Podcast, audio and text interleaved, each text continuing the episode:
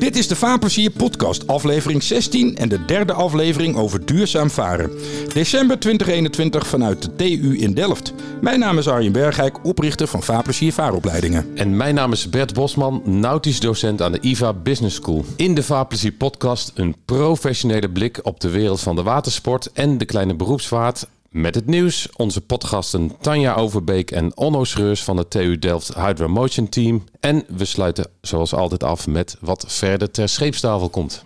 Ik heb een nieuwtje gevonden dat een beetje opmerkelijk is. Midden in onze serie over duurzaamheid in de Vaarplezier podcast. En indirect dus ook hoe voorkomen we dat we met z'n allen die, uh, dat klimaat te veel opwarmen. 18 tankschepen liggen vastgevroren in de Noordelijke IJszee.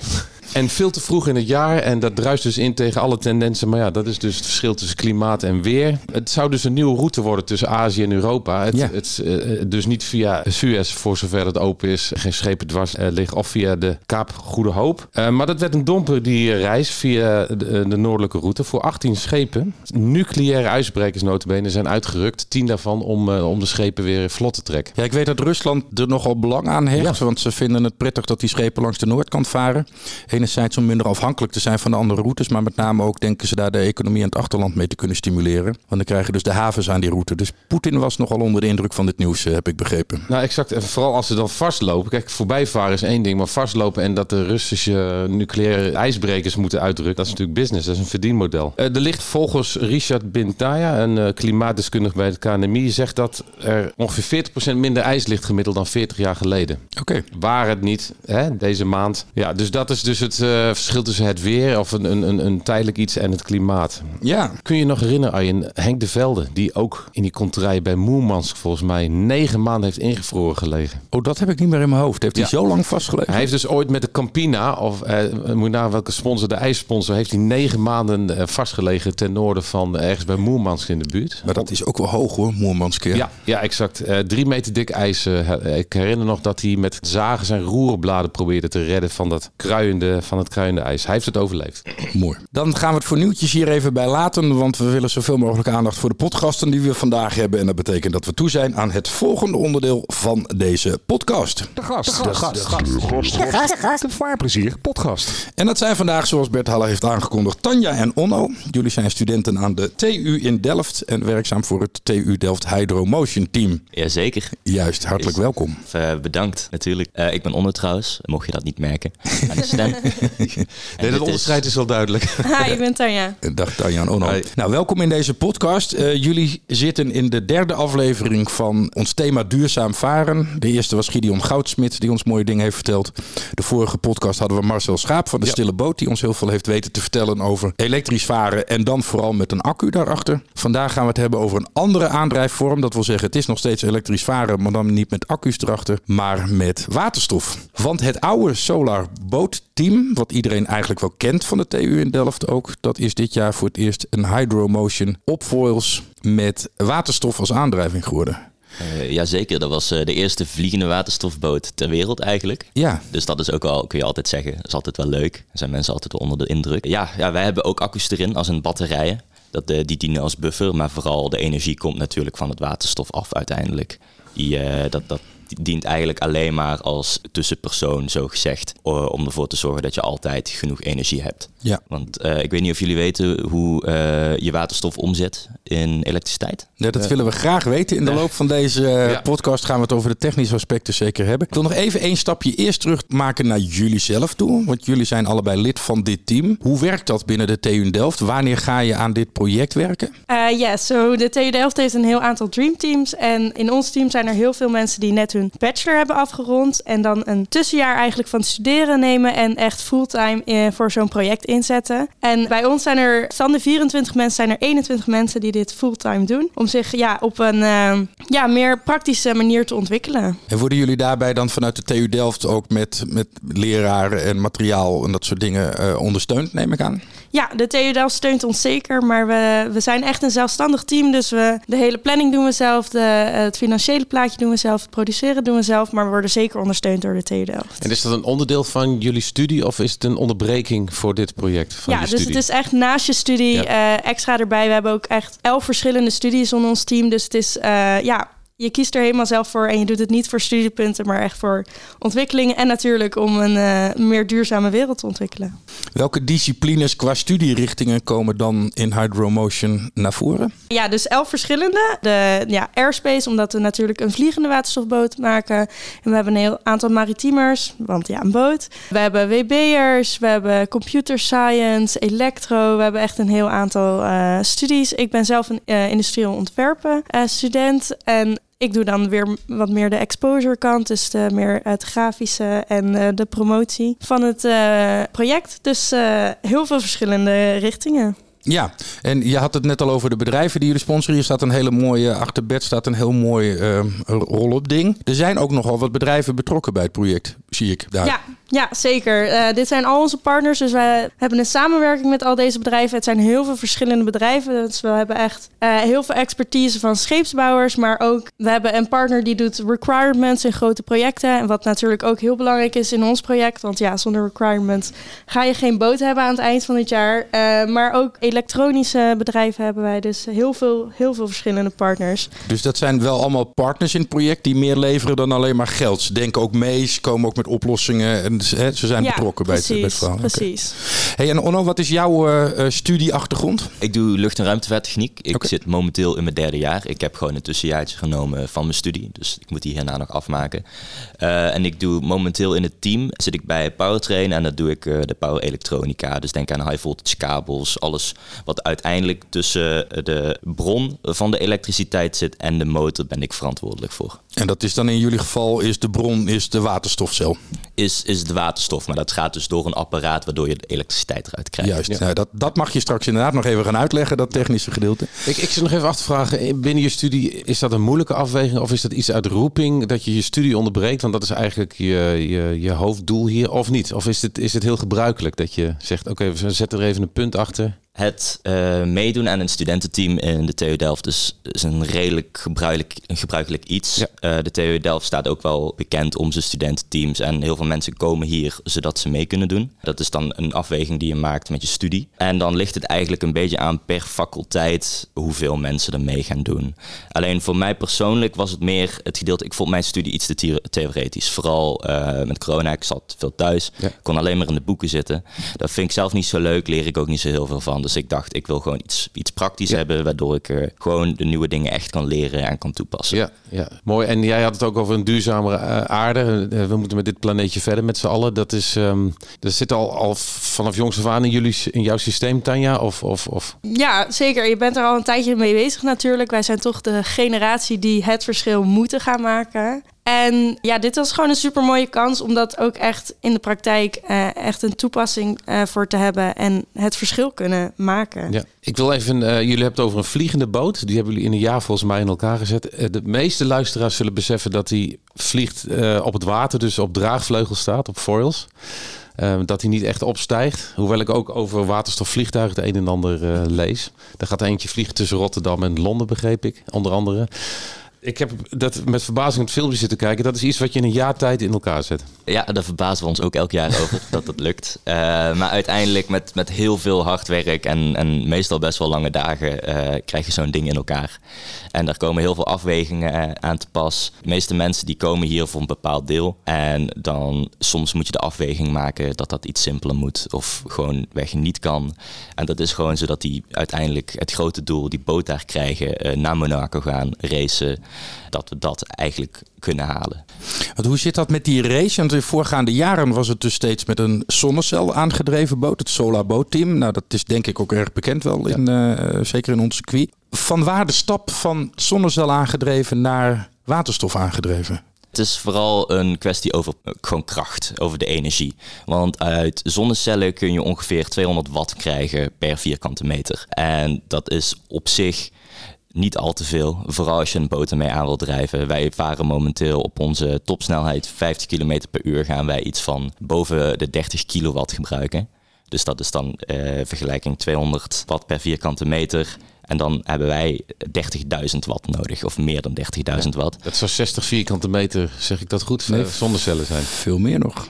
150 vierkante meter heb je dan nodig. Ja, in 2018 is het Solarboat Team voor het eerst een boot op, uh, voor op de open zee gaan ontwerpen. En daar heb je dus echt wel een stukje meer energie voor nodig. Natuurlijk omdat er hoge golven met veel meer kracht achter uh, zijn. Ja. En zij hadden een zonnedek van 28 vierkante meter. Ja, het waren negen uh, king-sized bedden aan, aan zonnedek. En ja, dus dat is een grote reden omdat zij natuurlijk zo'n super grote boot hebben gemaakt.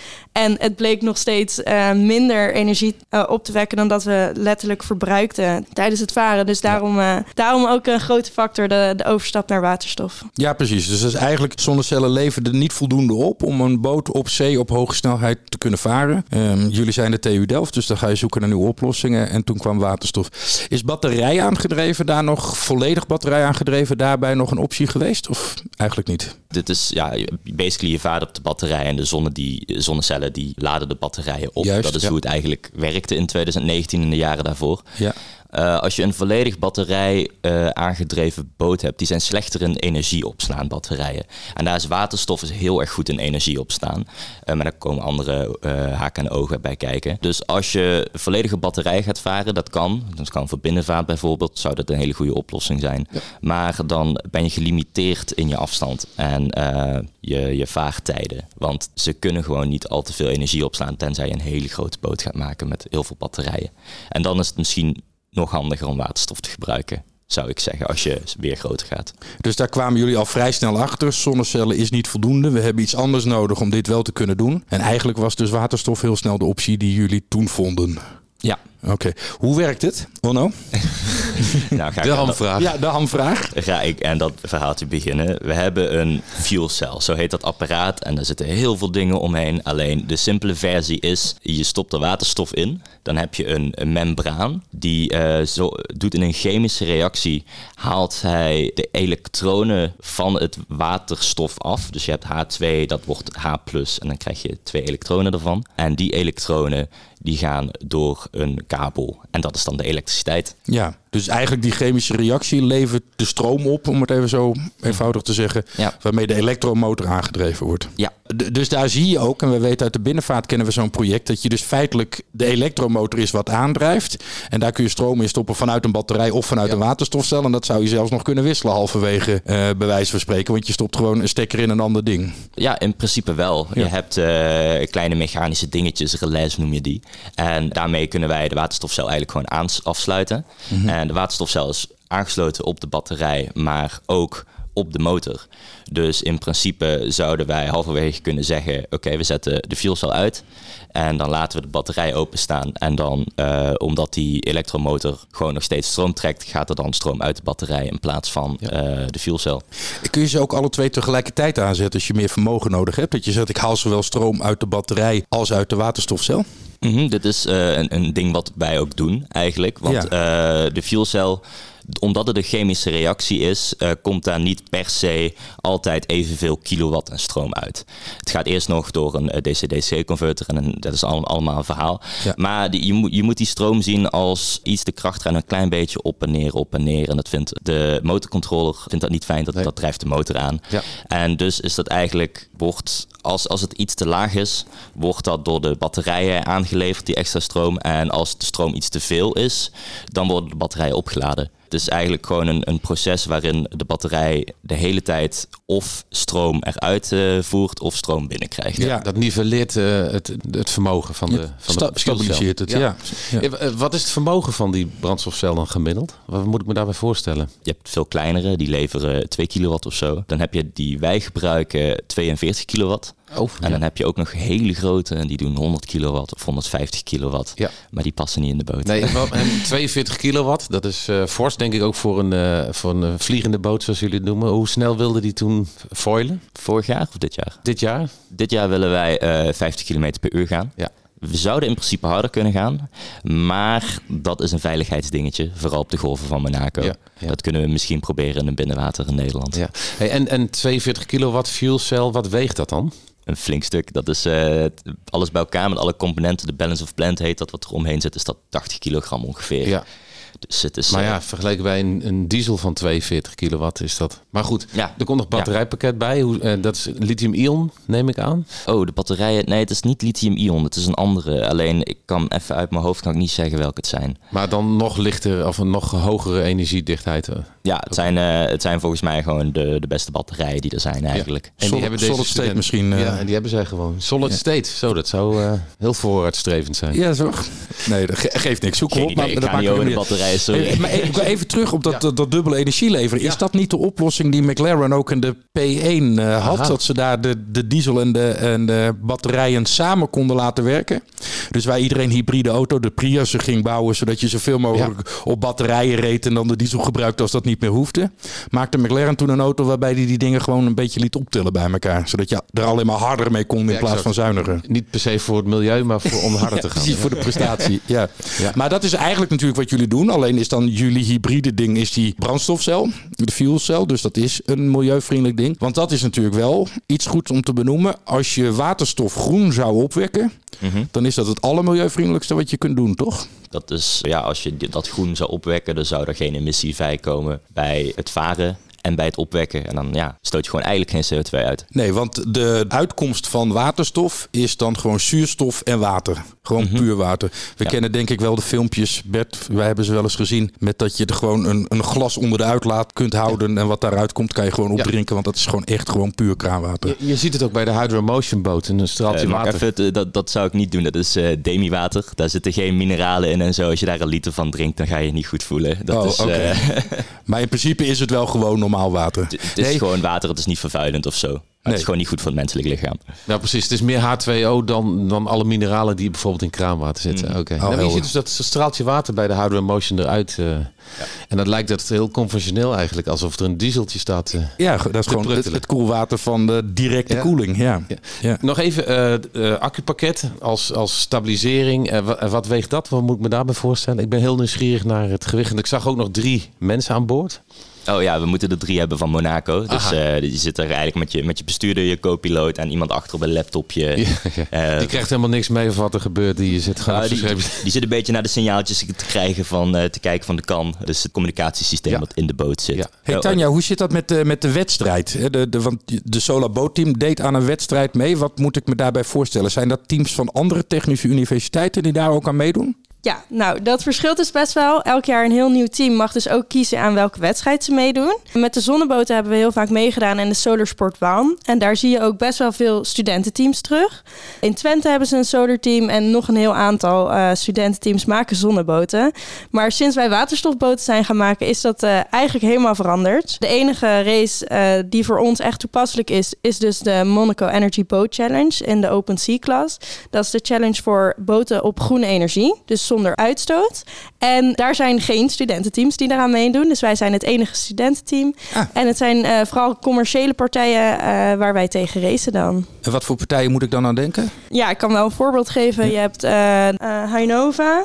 Dit is een elektrische boot. En dat is gewoon een bedrijf wat elektrische boten produceert. Die ook, ja, die ook te kopen zijn. Dus voor hun is het heel plat geslagen een commercialiteit stunt eigenlijk gewoon. Ja. om hun boten te promoten. Dus je ziet ook dat er in deze race veel elektrische boten meedoen. En nog vrij weinig eh, waterstof. Dus eh, daar willen wij een verschil gaan maken. En wat bedoel je dan met de elektrische batterij aangedreven? Ja, op eh, batterijen. En, dit is dus de enige race waar jullie feitelijk aan meedoen. Wanneer is die dan? Deze race is van 4 tot 9 juli in Monaco. Oké, oh, dus jullie hebben nog een goed half jaar nu op het moment dat we dit opnemen. We nemen dit op begin december. Ja. Jullie hebben een goed half jaar om, om de boot nog af te krijgen. Ja, wij zitten nu nog midden in ons ontwerpproces. En dan in januari zullen wij beginnen met produceren echt. En dan gaan we de boot bouwen. Wat is dan wat ik gezien heb op, want ik heb op twee beurzen ben ik jullie tegengekomen, de Offshore Energy en de Europort. Was dat dan de boot van vorig jaar? Ja. Ah, Ja. juist. Dat wil ik wel zeggen. Ik zag daar wel iets kant en klaar liggen namelijk. Ja, nee. En hoe heeft de boot het voor? Want vorig jaar hebben jullie ook aan de race mee geda- gedaan?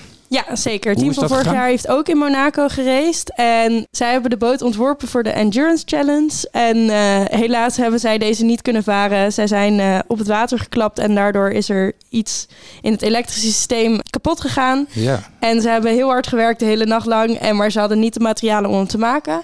Wat wel leuk is, dat ze aan het begin van het jaar hebben ze die boot weer gemaakt. En hebben ze toch nog een weekend kunnen varen met het hele team. Oh, dat is dan wel fijn inderdaad, Ja. ja. In Monaco nog kunnen varen. Nee, nee Oh, dat was gewoon hier in Nederland. Ja. Ik zag een, dat hij een snoekduik maakte. Viel, hij, was er iets met de foils? Gingen ze ventileren? Is, dat, is het onderzocht wat er gebeurd is? Volgens mij zijn de foils eh, zijn ze te hoog gaan vliegen. Ja. En eh, komen ze dan uit het water en dan ben je al je weerstand kwijt, waardoor je dus eh, op het water. Ja, Dus eigenlijk deed de boot het te goed, zeg maar. Ja, Ja. nou, er zit een eh hide control systeem in de boot en die moet dit voorkomen. En helaas werkte die dus niet goed genoeg.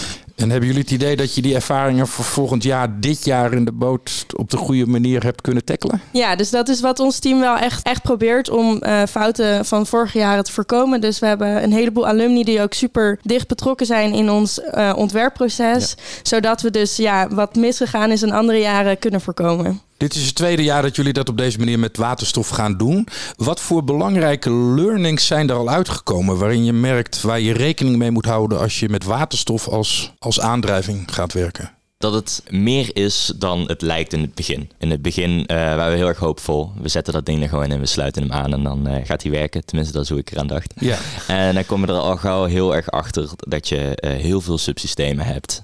En dat het heel gecompliceerd in elkaar gaat zitten. Ook qua internal design van de boot. En hoe die systemen nou werken, hoe ze aangesloten moeten worden. Je zit met heel veel verschillende partijen altijd te praten. Communicatie is altijd een ding dat meestal niet heel erg soepel verloopt. Want eh, ja, je moet mailen, moet je wachten op een mail. En dan moet je weer iemand anders mailen, moet je daar weer op wachten. Dus het, is een, eh, het, het hele logistieke verhaal was eh, voor mij wel een verrassing dat dat zo stroef kan lopen. We hebben ook weken gehad dat het heel erg soepel liep. Maar je hebt ook weken dat het gewoon totaal niet werkt. Maar dat is onderdeel van dit proces, hè? dat je ook, ook dit soort dingen optimaliseert. Maar stel nou, ik heb een boot en daar wil ik 40 km per uur mee kunnen varen, omdat ik zou willen waterskiën. Wat hebben jullie dan nu al met waterstof geleerd dat ik zou kunnen gebruiken om die boot aan te drijven? Het is nu nog niet veel gebruikt, hè, waterstof in de, in de pleziervaart. Wordt het eigenlijk niet gebruikt. Als er elektrisch gevaar wordt, is het met accu's. Op welk moment zou het interessant worden om, om waterstof in plaats van accu's te gebruiken? Of als aanvulling op accu's? Eigenlijk zou ik zeggen, nu al. Ja? Alleen het is voor bedrijven vooral een, een financiële risk, heb ik het gevoel. En het is nog allemaal iets te nieuw om het, um, om het echt op te pakken en eh, het te gaan verkopen. Want het is gewoon een, een te groot risico voor hun, denk ik. Vooral. Dus batterij aangedreven is technisch iets verder en daardoor iets betrouwbaarder dan waterstof Dus, aangedreven. dus, dus veel, ja, we hebben het al zo lang. Dus eh, dat, is, eh, dat Ja. is gewoon niet meer nieuw en niet meer eng. En wanneer gaat dat veranderen? Hoe, hoe vaak moeten jullie meedoen aan deze wedstrijd voordat je zegt, maar nu weten we wat de technische voorwaarden zijn om waterstof te kunnen gebruiken? Ik zou, eh, ik, ik hoop in de komende tien jaar. Alleen, wij zijn eigenlijk gewoon het proefkonijntje van de wereld momenteel. En Ja, juist. Maar daarom kunnen we het ook het beste aan jullie vragen. Want Ja. jullie hebben het beste zicht op wat de stand, stand van zaken is. Het, het wordt heel veel in andere industrieën al gebruikt. Alleen de maritieme industrie is gewoon een beetje terughoudend soms. Dus Ja. eh, is heel erg oud eigenlijk gewoon. Het is Ja. niet heel erg innoverend. Dus het, wordt, het is echt vooral eh, wanneer de mensen aan de top zoiets hebben van... hé, dit, dit kunnen wij gewoon doen en het is goedkoper als het goedkoper wordt. Ja. Dat, dat is het eigenlijk. eh, Ik denk er net aan, als het goedkoper wordt, dan gaan bedrijven het doen. Ja, ja, en dat gaat samen, dat spel. Hè? Wie steekt zijn nek uit, wie, wie heeft kleine succesjes. En dan gaan andere bedrijven hopelijk inhaken. Ehm, hebben jullie gekeken bij bijvoorbeeld de Mirai, de Toyota waterstofauto, af- afgekeken? Of hebben jullie echt vanuit nul, vanuit jullie kennis, eh, de, de boot opgebouwd? Nou, vorig jaar was het eerste jaar we hebben vooral heel veel naar hun gekeken. En altijd gesprekken met hun. Vorig, Met Toyota of? Nee, nee, met het, eh, de alumni van vorig jaar. Ja. Die de 2021 boot hebben gemaakt. Ja. Eh, we hebben gisteren ook eh, een integratiesessies met hun gehouden. Dus we hebben ongeveer het helft, meer dan de helft van ons team. En een stuk of 15 alumni zijn we gewoon allemaal samen gaan zitten in kleine groepjes, dingen bespreken, onze designs. Dus we kijken vooral heel erg naar documentatie online. Het meeste is gewoon echt alumni's. Ja. Die, eh, die het allemaal vorig jaar uit het niks hebben moeten uitzoeken. Maar die, die kijken dan inderdaad naar systemen zoals de Mirai waarschijnlijk. Eh, al werkt dat op 700 bar. Eh, Het is, is, een, is een soort an- is iets anders systeem. En het is automotive en niet maritiem. En onze partners Ja. die ook al iets met waterstof doen, daar kijk je ook naar. Maar welk verschil heb jij het idee, is het verschil tussen automotive en maritiem? Waar verandert dat waterstofsysteem dan? Automotive, in een auto absorbeer je minder schokken als je gewoon aan het rijden bent. Als je Oké, crasht, helder. dan crash je. Ja. Dan absorbeer je een hele grote shock. Ja. Alleen een ding bij, bij een boot, het water is niet plat. Dus je moet alles wat, wat steviger maken. Je moet er andere gradaties aan koppelen. Dus dan, wij willen heel veel dingen willen wij IP 6, of eh, 67 hebben. Ja. Dat is eh, een waterdichtheidsgradatie die sommige producten hebben. En alles moet gewoon een, een stukje steviger zijn, zodat het schok kan absorberen. Dat is vorig jaar dus ook gebeurd, die schok.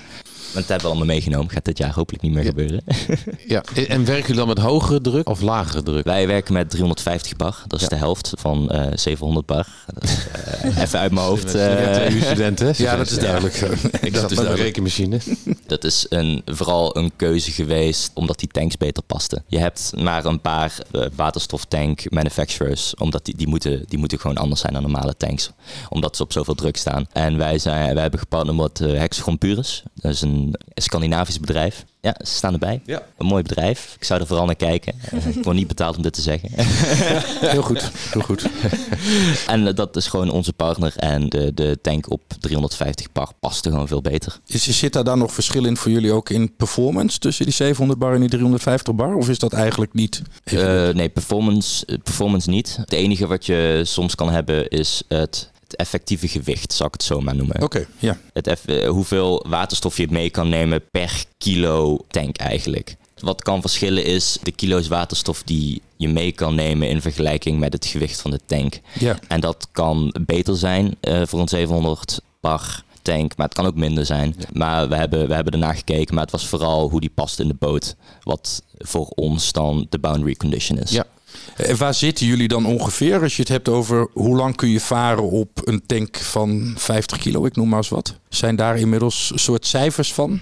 Ja, want er zit natuurlijk een finiet aantal waterstofmoleculen zitten erin. Daar Ja. kun je een bepaalde energie uithalen. Dan trek je daar de efficiënties van af van alle onderdelen. Ja. En dan heb je uiteindelijk heb je hoeveel, ja, hoeveel kilowatt je eigenlijk kan gebruiken, hoeveel kilowattuur erin zit. Dus er zit een bepaald aantal kilowattuur in. En dan eh, ligt eraan hoe hard je vaart, hoeveel energie je verbruikt, kun je daar een bepaald, eh, bepaalde afstand mee varen. De boot van afgelopen jaar had 8 kilo waterstof bij zich. Ja. Eh, zij konden ongeveer 10 uur varen op een snelheid van 35 km per uur. Met 8 kilo waterstof. Ja. En hoe zwaar zijn dan de tanks die die 8 kilo kunnen bevatten? Weet je dat toevallig? De tank van afgelopen jaar was 140 kilo. Dus 140 kilo tank plus 8 kilo waterstof kan je 10 uur opvaren. En hoe snel kan je dan varen? 35 kilo. Ja. 35 km per uur, oké. Ja. Foilend, vliegend. Ja, Dat is toch best een prestatie eerlijk gezegd, Ja, als ik dat zo... Zoveel energiedichtheid heeft waterstof. Ja, maar als ik dat vergelijk met conventionele brandstoffen... als je een tank Ja. plus eh, je zou er diesel of benzine in doen... dan scoort dit helemaal niet zo slecht. En, Benzine volgens mij 9 kilowattuur per liter. eh, ja, maar goed, je hebt dus ook wat kilo's brandstoftank. Tanks, Dus als ja, je even dat leidingen, ja. hè, t- tegen elkaar aanzet... Ja. dan is het best een optie. Hoe komen jullie aan de waterstof? Waar komt die vandaan? nou wij zijn dus als eh, team op zoek naar een partner die onze groene waterstof kan geven, het Ah, liefst. ja. En eh, dan idealiter zelfs in Monaco eh, eh, groene waterstof kan aanleveren. Maar dat is een, eh, een logistiek eh, moeilijkheid. Maar dus we zijn in gesprek met een aantal partners, maar dat is nog niet eh, bekend. Dus in die lange lijst, want het is echt een serieuze lijst. Niet alleen qua lengte, maar ook ja, Damen, ABN AMRO, Port of Rotterdam, Rondal, PwC. Ja, er zijn tientallen. Ja, grote namen, Fatship, Maxon eh, enzovoort. Ja. Dus jullie zoeken in dit rijtje ook nog een groene waterstofleverancier bij voorkeur. Eh, nou, zeker ook buiten het rijtje. We zijn eh, echt wel op zoek naar nieuwe bedrijven die ons eh, willen steunen in ons project. Ja, Ja, dat gaat na deze podcast zeker lukken. ja zeker. Nou, de, de eerste winst is natuurlijk al vaarplezier zelf. Want we zijn eh, in onderhandeling met elkaar over het leveren Ja. van opleidingen voor de mensen die op de boot moeten varen straks. Nog sterker, dat, eh, daar zijn we weer ver voor het stadium mee, dus dat gaat wel gebeuren. Maar dit is dus een concrete oproep. Als hier iemand luistert die jullie groene waterstof zou kunnen leveren, dan zijn jullie erg geïnteresseerd om daarmee in contact te Ja, komen. dat zou super mooi zijn. Wat voor partijen zijn dat? Hebben jullie dat in beeld? Wie levert er groene waterstof op dit moment in Nederland? Groene waterstof is dus wel lastig, want Ja. je hebt eh, groene waterstof, blauwe waterstof en dan ook nog grijze waterstof. Ja. Groene waterstof is echt helemaal met duur- duurzame energie opgewekt. En dat eh, heeft niet iedereen, maar we zijn in gesprek met eh, Live. Die heeft groene waterstof. eh Air Liquide heeft groene waterstof. En dan eh, heb je een, in Den Haag is er een waterstoftank die groene waterstof heeft. Ik kan even geen eh, bedrijf daarbij noemen. Maar uh, dus er is in Den Haag dus heel dichtbij al een, een groene waterstoftank... waar wij super goed mee kunnen beginnen met testen bijvoorbeeld al. Dus, is dat de partij die de waterstof leverde voor de 60 waterstoftaxis in Den Haag? Dat zal wel, hè? Dat kan Waar de gemeente overigens nu vanaf wil, eigenaardig genoeg. Want waterstof en duurzaamheid is niet alleen technisch iets, maar ook nog een politiek spel natuurlijk. ja. Ja. Misschien moeten wij ze eens in contact brengen met onze grote vriend in het noorden. Hoe heet die ook alweer? Eh, De, de vrachtautobouwer. Die heeft nu 2000 Nou, inderdaad. waterstof aangedreven vrachtauto's voor Nieuw-Zeeland eh, gebouwd.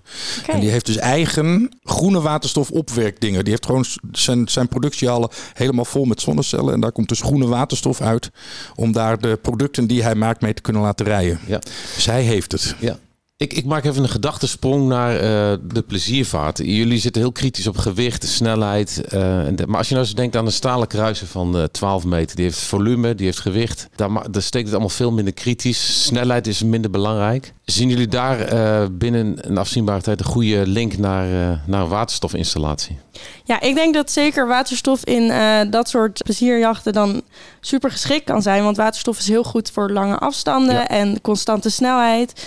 En eh, ja, dus elektriciteit zou je vaker, dus eh, batterijen zou je vaker moeten opladen. Terwijl waterstof zou je echt een flink stuk konnen, kunnen varen zonder dat dat nodig is. Dus waterstof zou daar super geschikt voor kunnen zijn. Wat, dus, wat jullie net ook benoemden was dat eh, waterstof een beetje eng kan zijn voor mensen. En wij proberen ook te laten zien dat waterstof hoeft helemaal niet eng te zijn. Er zijn heel veel safety measures waardoor het eigenlijk heel veilig is. Dus dat is nog wel een, een barrière die wij proberen te overkomen. Dat enge gevoel van waterstof zal verdwijnen. Maar dat is juist iets waar jullie heel erg mee bezig zijn, neem ik aan. Om juist al die technische aspecten die je nodig hebt om een, om een boot veilig en vlot te kunnen aandrijven, om daar nu over na te denken. Precies. Ja. Dus als dit project zometeen, jullie hebben in juli die wedstrijd gedaan. Als er dan bedrijven zijn in Nederland die zeggen, nou wij bouwen boten. We willen eens met jullie praten over waterstof als aandrijfvorm. Zijn jullie als team beschikbaar om met dat soort partijen te kunnen praten? Nou, persoonlijk eh, zou ik zeggen ja. Dit ligt Ja. natuurlijk aan eh, per persoon in ons team, want we zitten nog midden in onze studie. En de studie afronden is voor ons ook heel belangrijk. Maar als wij bedrijven kunnen inspireren om boten op waterstof te gaan ontwikkelen, dan zullen wij daar echt met alle liefde bij helpen. Nou, ik zou me kunnen voorstellen dat er echt wel behoefte zou kunnen zijn aan jullie findings. Als je straks die wedstrijd gehad hebt en het ding is gebouwd en je weet een hoop van die dingen, dat je een soort paper maakt waarin je zegt: stel dat je een boot commercieel gezien op waterstof zou willen aandrijven, dan heb je dit lijstje om rekening te houden. En deze dingen is het een voordeel, deze dingen is nog niet zo ver klaar dat het commercieel en ik noem maar wat. En als je het gaat doen, moet je denken aan A, B, C en D. Ik zou me kunnen voorstellen dat botenbouwers dat een interessant conclusierapport Ja. van jullie, om het maar even zo te noemen, zouden vinden. Om te zeggen, nou dan weet ik dus ook waar ik sta. Ja. En wat ik klanten zou kunnen aanbieden, al dan niet. Ja, dus wij doen als team sowieso alles wat we eh, ja, technisch eh, gezien ontwikkelen, maar al, ook on- al onze onderzoeken naar waterstof en alles wat in onze boot zit. Sowieso supergoed documenteren voor de mensen na ons. Dus eh, dat onze opvolgers Ja. eh, onze boot kunnen verbeteren en dus nog steeds, eh, steeds dichter bij realisatie te kunnen brengen voor de markt. Dus wij schrijven zeker alle onze ontdekkingen schrijven wij op. Ja. Hoe zit het pr- prijstechnisch? Ik zit weer naar die st- stalen kruisen te kijken in mijn gedachten. Is- Daar ligt een 100 pk diesel in, ik noem maar wat. Wat kost een brandstofcel? 42 kW, 100 kW? Veel. We mogen eigenlijk niet over prijzen praten, alleen dit kun je online ook vinden. Dus eh, dat, dat kan ik wel zeggen. Als je commercieel de fuel cell wil kopen die wij gebruiken, kost die volgens mij 90.000 euro. Oh, oké. ja. Ja, En dat is die 42 kW eh kilowatt. dat is 42 kilowatt. Ja. En, eh, En daar, daar, daar valt dus nog wel wat te halen, denk ik. in Maar dat zin. zal een gemiddelde motorkruiser ook niet nodig hebben, denk ik. Niet die hond, ja, wat staat er in een, in, in een 12 meter eh, stalen Ja. kruisen? Ook Hoe hard 100 ga je er meestal mee? Sorry? Hoe hard ga je er meestal mee? 10 Nou kilometer ja, je per zit, uur. ja, precies. Je zit met je rompsnelheid. Die gaan niet in planeet. Dus ja, 10, 12 kilometer per uur. Ja, maximaal. De- meeste zitten 8 tot 10, denk ik. En elektrisch is natuurlijk eh, een koppel eh, op Ja. alle toeren. Dus ik denk dat een 42 kW daar heel goed in zou passen. De, de, de power curves, als je met nou, onze boot is natuurlijk wat meer gestroomlijnd, misschien als eh, zo'n 12, wat was het, 12 meter? Stalen, ja, een, een, knikspand kruisen. Nee, dat is niet te vergelijken met jullie eh, Nee. vliegende boot. Dus eh, ja, daar kan ik vrij weinig dan over zeggen. Alleen als, als wij 10 kilometer per uur gaan, dan verbruiken wij volgens mij eh 12 kilowatt, 15 kilowatt, zoiets. Toch nog. Het gaat om die prijs. Het gaat om de commercialisering natuurlijk van het verhaal. Ja. En, dan- en nog groter, eh, Arjen, je had het net over eh, rondvaartboten, eh, Ja. waterstof al gevaren, Ja. vrachtschepen. Ja, dat was 15 jaar geleden al het geval. Hebben er in Amsterdam een paar waterstof aangedreven rondvaartboten gevaren. Dat is toen stuk gelopen. Die zijn er ook niet meer. Dat wil zeggen de boten wel, maar ze zijn omgebouwd naar andere vormen. Ja. Omdat het toen nog heel erg met de beschikbaarheid van waterstof was dat gewoon echt nog niet klaar. Dus dat, dat was even iets te vlot, zal ik maar zeggen. Houdt de rondvaart wel van experimenteren, want er wordt ook op LNG gevaren. En er wordt al vrij lang ook batterij aangedreven gevaren. Eh, maar het is al wel gebeurd inderdaad, ja. Zien jullie waterstof als een onderdeel van allerlei andere opties? Eh Merck had 10 methanol aangedreven boten besteld.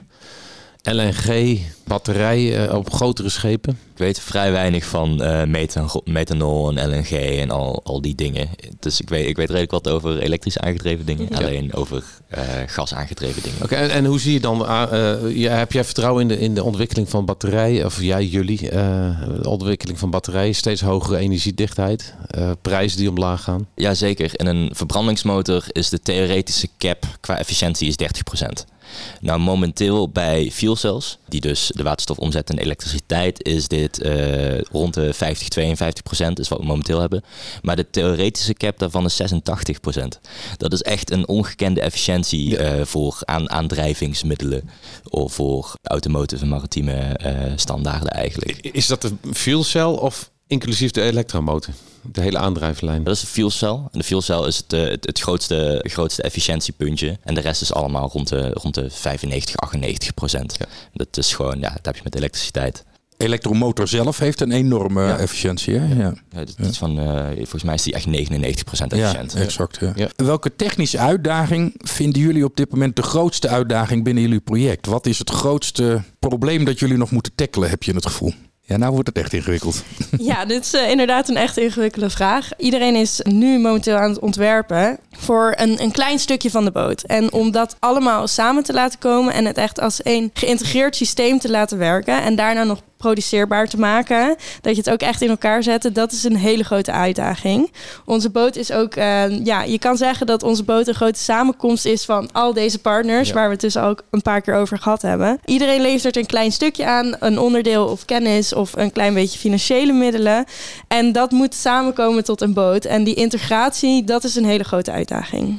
Dat is eigenlijk ook dus je grootste technische uitdaging om te zorgen dat al die losse onderdelen met elkaar gaan samenwerken. Ja, dus wat, wat wij doen is eh, veel, dus bijvoorbeeld de fuel cell of de, de brandstof of ja, de, de tank kopen wij gewoon. Dus die, die werken, op zichzelf werken ze. Maar om ze samen te laten werken, dat wordt dus nog niet gedaan. En dat willen wij dus in onze boot laten werken. En hoe is dat ten opzichte van de Solarboot? Ik Gebruiken jullie dezelfde schroef, om maar eens wat te noemen? Of moest dat ook door de waterstof nu ineens iets anders worden? Nou, wel wat leuk is in onze boot. Onze schroef is elk jaar is die speciaal voor ons ontwerp wordt die gemaakt. Wij hebben onze partners Marin en ProMarin doen analyses op onze boot. En mooi. zodat ja, dus de schroef echt maximaal efficiënt is, precies voor onze power curves en onze weerstanden. En die wordt dus helemaal speciaal voor ons gemaakt en is elk jaar anders. En ik kan niet helemaal zeggen hoe dat anders is voor zonneboten of waterstofboten. Wel is onze rompvorm voor een waterstofboot. Op de zonneboot had je altijd een heel groot dek nodig. Waardoor de boot ook een vrij bijzondere vorm, vind ik zelf, kreeg. Ja. En onze waterstofboot zal dus een, een hele andere rompvorm hebben. Dus ik verwacht dat de schroef ook ietsje anders eruit zal zien. Gaat die oh, lijken op de voorganger? Of gaan jullie een heel ander pad eh Onze bewandelen? rompvorm zal helemaal niet lijken op onze voorganger. Nee, Of is er nog wel een romp? Want daar gaat vliegen natuurlijk.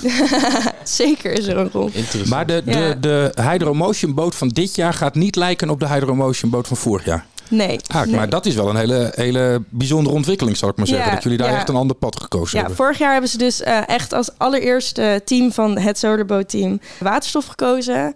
Met deze grote uitdaging hebben ze ervoor gekozen om de rompvorm van 2019 te hergebruiken. Juist. Dit was dus de trimaran waar je zo'n supergroot zonnedak had. Die kon je dus ook goed gebruiken voor waterstof. Dus ze hebben hem helemaal omgetoverd tot een waterstofboot. Omdat ze dus zoveel nieuwe uitdagingen erbij kregen met waterstof.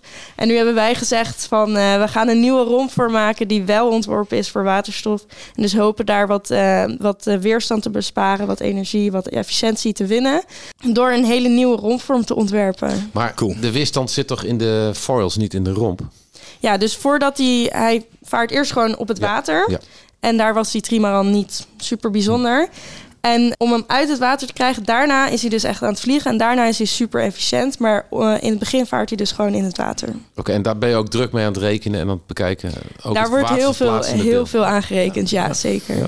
Mooi. Bert. Mag, mag- Ja, zeker. Het- Als je trouwens zin hebt om eh, de boten daadwerkelijk te zien. eh, we hebben net, nou, nu zal het een maandje geleden zijn, hebben wij de boten van vorig jaar, voorgaande jaren hebben wij gepost op onze Insta. Dus eh kleine shout-out naar de Insta. Ja, dus daar kan je echt zien de ontwikkeling van zonneboten Ja. naar een zonneboot op open wateren naar waterstofboot. Mooi. En op Insta eh, zoeken we dan op Soloboat Team of op Hydromotion.